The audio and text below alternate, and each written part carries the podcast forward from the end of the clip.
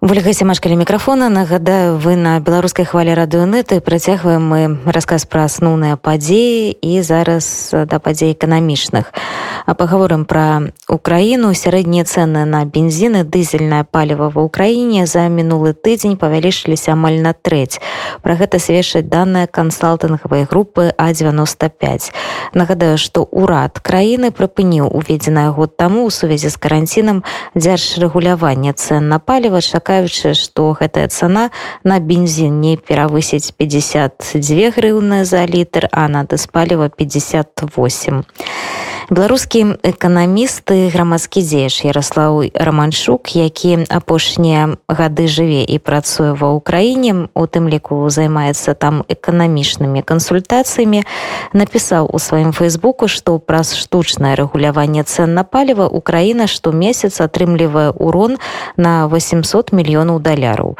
Ён упэўнены што гэта вынік ігнаравання элементарных законаў эканомікі бо праз штучнае рэгуляванне цен на паліва скараці скарацілася яго прапанова і разбурыўся баланс паміж попытам і прапановай.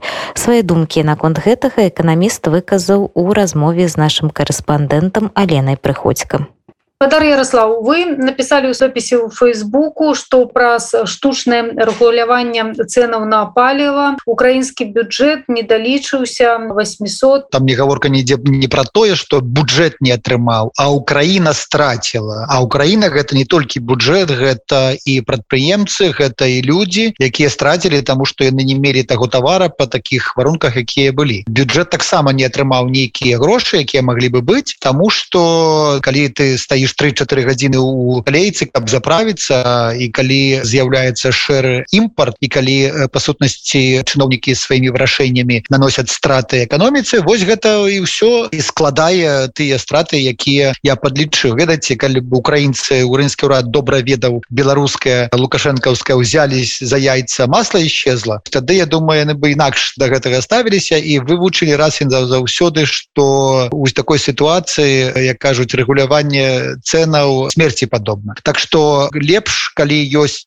праблемы з продажу товарам трэба просто зменшыць бар'еры на мытніцы трэба зменшыць бар'еры гандлёвыя трэба зменшыць падаткі каб гэтыя товары былі больш доступны да як мага больш шырокага кола людзей а не ісці по шляху якім ідзе там беларуская эканоміка дзяржаўнага кіравання альбо расійская. І таму недарэчнасць калі краіна быццам бы арыентуецца на Еўропу на стандарты рынкавай волі вольнай эканомікі а робіць усё тое як робіць дзяржплан і таму за што бы яны не ўзяліся альбо за прадукты харчавання альбо за топлівны ресурс результат будзе адзін тым же. Вось таксама яшчэ один товар які у гэтай катэгорыі гэта валюта. І вось тыя рэчы якія робіць нацыянальны банк. Розныя курсы по карткам розныя курсы наяўнай валюце і мы маем же таксама аперацыі спекуляцыі на гэтым. Ну і зноў хто больш плаціць за гэта все звычайныя людзі якія атрымліваюць фіксаваны заробак у нацыянальнай валюце які якія не маюць магчымасці нешта там прывесці з імпорту нешта прадаць таму для сацыяльнай бяспекі і з абароны людзей трэба просто мець вольнарынкавыя механізмы А калі вы хочаце ка некаму дапамагчы дайце яму грошы і не лезьце да цэнаў Як вам падаецца чаму гэтых вольных рынкавых механізмаў няма ва ўкраіне гэта некампетэнтнасць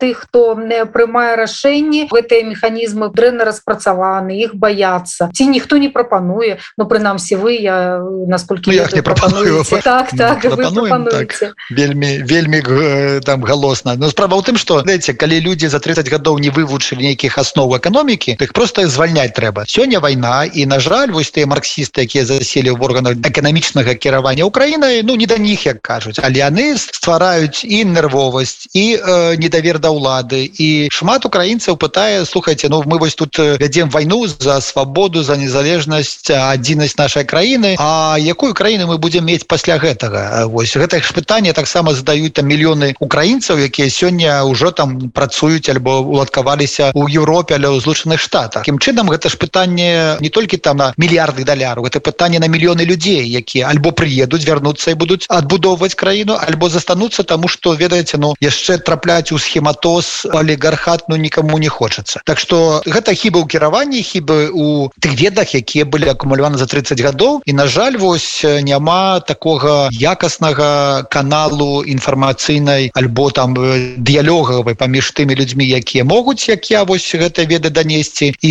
выкарыстоўваць іх ва ўладзе а з тымі людзьмі якія по розных прычынах там апынуліся і сёння просто больш падобны на міністраў лукашэнкаўзага ўраду Ну вось тое чым вы пішаце ў сваім допісе што з'явіўся шэры рынок і ёсць такія ўжо віды паслуг як там пастаю ў чарзе там за пэўныя грошы. Mm -hmm. я бачыла у соцсетках что ёсць таксама ўжо паліўныя закладчыкі. Ну то бок хтосьці наркотыкамі так гандлюе а хтось так, так, так, закладки паліўныя закладчыкі.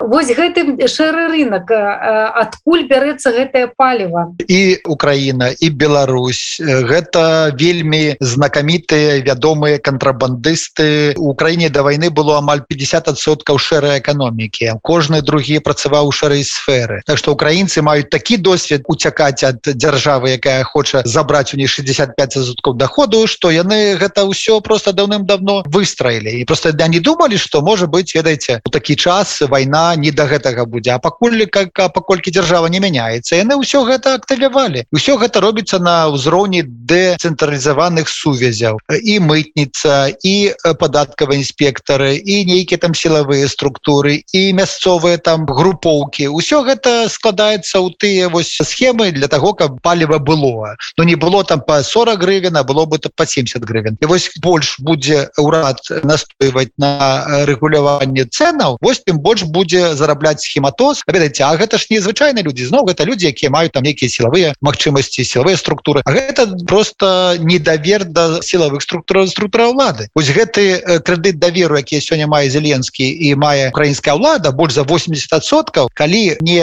змяніць сістэму кіравання і не змяніць курс краіны з э, такого сацыялістычнага на ліберальны то за год гэтага крэдыту даверу не будзе. І ты зноў трэба будзе пачынаць з асноў гэтай рэформы. Так что тут менавіта трэба ісці ад людзей ад таго што ёсць на месцах. І калі у аснове эканамічнай палітыкі будзе ляжыць крэдыт даверу один да аднаго вытворцы да пакупніка дзяржавы да прадпрымальніка. Тады не трэба будзе такое рэгуляванне столькі падаткаў не трэба будзе браць. Хуткім часам чакаецца што ва ўкраіну ўжо будуць завозіць паліва з Еўропы. І Мачыма можа быць чакаецца што ўсё ж такі выдаткі гэтага паліва нейкім чынам будзем інакш рэгулявацца. Ці калі нічога не зменіцца і гэтае еўрапейскае паліва патрапіць на украінскі рынок то ну яго чакае зараз такі ж лёс як і паліва якое раней куплялі з Беларусі з Росіі я маю навазе вось гэтыя схемы і шэры рынок тут э, вельмі просты прынцып. Калі можаш вязі. Адкуль хочаш адтуль вязі. Вось і адказ на пытанне адкуль возьмецца паліва. Тым больш пасля войны трэба актывізаваць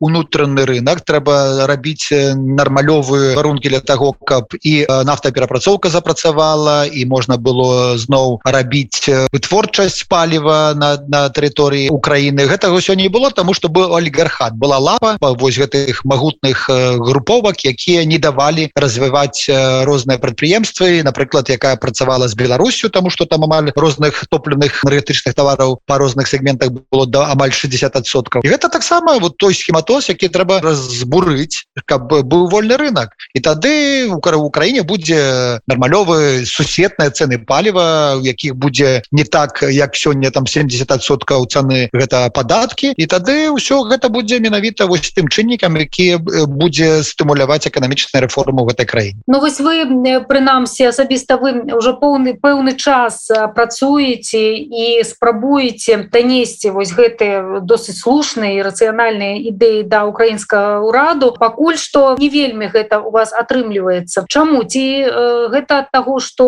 ва ўрадзе ёсць нейкія лобі якіх не цікавіць гэта а якім якраз таки хочацца каб усё засталося без пераменаў і просто там адны алігаркі змянілі других алігарх алігархаў. Ці просто зараз военный час і усім там не до таго это сёння вайна і таму безумоўна увага працягнута да вайсковай аперацыі да дзеянняў да арміі да таго каб атрымаць і зброю атрымаць і грошы і гуманітарныя рэчы і гэта абсалютна першая праблема Ну а з пункту гледжання ці слухаюць не ведаеце за не цэлы год па сутнасці за там 9 месяцаў мы шмат чаго змаглі зрабіць. Распрацаваны две праграмы якія трапілі на столы і урада і адміністрацыя прэзідэнта і шмат якіх депутатаў ёсць кансалідацыя бізнесу якой нікога не было весь вось той лісту з патрабаваннем ацалкі гетманцева. Это чалавек які асацыюецца менавіта з марксізмам ва ўрадзе і ва владзе прэзідэнта зеленскага вось подпісала больш за 70 асацыяцыяў больш за 15 тысячаў прадпрымальнікаў. Гэта адкрыты ліст і такога ніколі не было. Так что ідзе кансалідацыя людзей супраць менавіта не толькі там одной асоба супраць